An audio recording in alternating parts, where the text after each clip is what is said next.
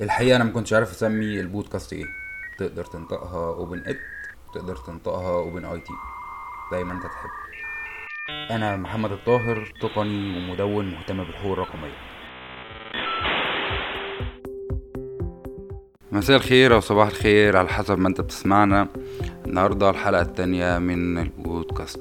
النهاردة هنتكلم عن تطبيقات التراسل الفوري اللي بتوفر قدر من الأمان والخصوصية للمستخدمين. وزي ما اتكلمنا الحلقة اللي فاتت عن إزاي نختار البرمجيات والتطبيقات اللي إحنا بنستخدمها وقلنا إنه في ثلاث حاجات أساسية لازم نكون بنركز عليها. الحاجة الأولى إنه نختار برامج تبقى آه، مفتوحة المصدر والحاجة التانية إنها تكون بتستخدم طبقات من التشفير والحاجة التالتة إنها تكون بتجمع بيانات قليلة عن المستخدمين. اخترت ثلاث برامج أتكلم عنهم النهاردة لكن قبل ما أتكلم عنهم حابب أتكلم الأول عن التشفير. وعلى وجه التحديد هتكلم عن نوع واحد من التشفير هو التشفير من الطرف إلى الطرف لأنه ده التشفير اللي بيستخدم في الثلاث برامج اللي هنتكلم عنهم النهارده. التطبيقات والبرامج اللي بتستخدم تشفير الطرف للطرف اللي هو end to end encryption هي بتوفر حماية أعلى للمستخدمين. وممكن ناخد مثال بسيط نوضح بيه إزاي التشفير ده بيتم. هفترض إن أنا بكتب رسالة وببعتها لحد تاني في حالة إن أنا بستخدم برنامج مش بيعمل تشفير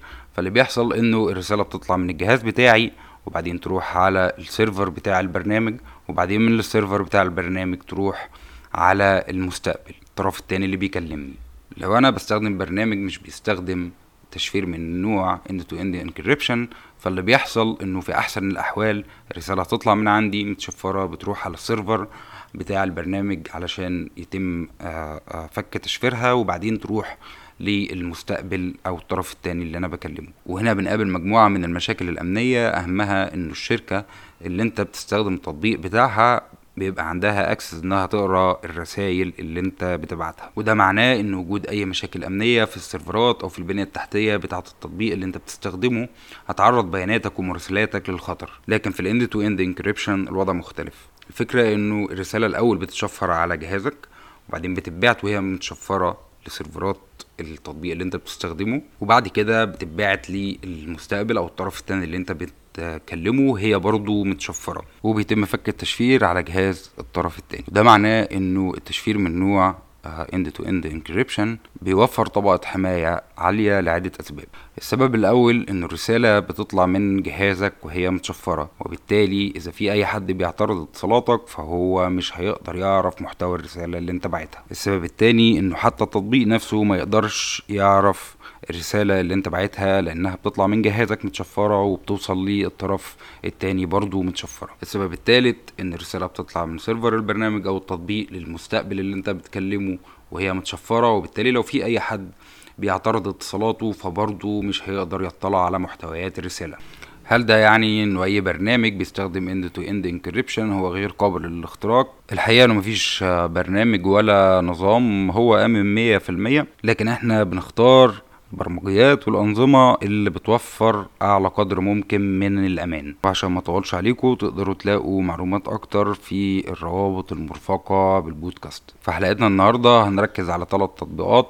التطبيق الأول اسمه Signal والتطبيق التاني اسمه Wire والتطبيق التالت اسمه جيسي تطبيق Signal هو تطبيق شبيه جدا بواتساب تقدر تتواصل بيه مع أفراد أو مع مجموعات. تطبيق هو تطبيق مفتوح المصدر بتطوره منظمة غير هادفة للربح اسمها Signal وبيوفر طبقة تشفير من نوع end to end encryption وبيوفر خيارات واسعة جدا تقدر تحمي خصوصيتك وأمانك الرقمي. من الخيارات دي إنك تقدر تحط password للتطبيق أو تستخدم البصمة علشان تقدر تدخل التطبيق وبالتالي لو موبايلك ضاع أو حد حاول يشوف مراسلاتك مش هيقدر إلا بال password أو بالبصمة. كمان تطبيق Signal بيوفر خيار مهم جدا هو المحو التلقائي للرسائل. إنك تحدد وقت معين وبعد الوقت ده الرسالة بتاعتك اللي أنت بعتها تتمسح من عندك ومن عند الطرف التاني. تطبيق Signal بيوفر الدردشة النصية والدردشة الصوتية الاتصال الصوتي وكمان الاتصال الفيديو. تقريبا العيب الوحيد اللي موجود في Signal هو إنه مش بيوفر إمكانية الاتصال الصوتي أو الاتصال بالفيديو في المجموعات. التطبيق عموما واحد من أهم التطبيقات على الإطلاق اللي بتحمي خصوصية المستخدمين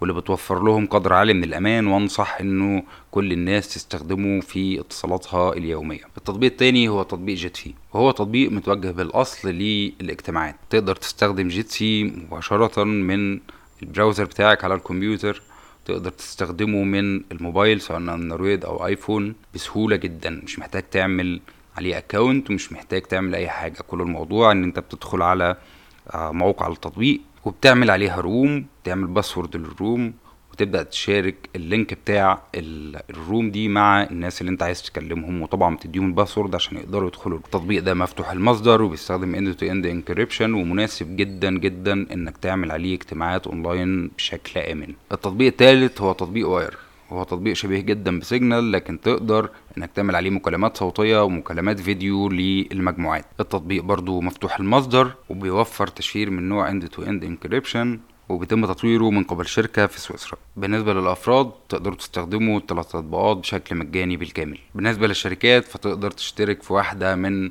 الخطط اللي بيوفرها آه، تطبيق Wire وهيديك إمكانيات أكتر بكتير. تقدر تستخدمها في شغلك وللشركات اللي مهتمة إنها تعتمد على Jitsi في الاجتماعات بتاعتها فيقدروا يعملوا set up للبرنامج على سيرفراتهم ويستخدموها بشكل كامل self hosted وده طبعا هيبقى أحسن في حالة إنه في عدد كبير من اللي بيشاركوا في الاجتماعات. في الروابط المرفقة مع البودكاست تقدر تلاقي روابط لكل البرامج اللي إحنا اتكلمنا عنها. وإذا محتاج أي مساعدة أو سؤال تقدر تبعت لي على تويتر. كمان أنصح بشدة إنه تسمع الحلقة اللي فاتت اللي كنت بتكلم فيها بشكل عام عن الأمن الرقمي. حلقة النهاردة خلصت والحلقة الجاية هنكون بنركز فيها أكتر على الإضافات أو ال extensions اللي تقدر تستخدمها على المتصفح بتاعك البراوزر واللي هتكون بتساعدك جدا في حماية أمنك وخصوصيتك الرقمية. حلقة النهاردة خلصت وأتمنى تسمعوني الحلقة اللي جاية.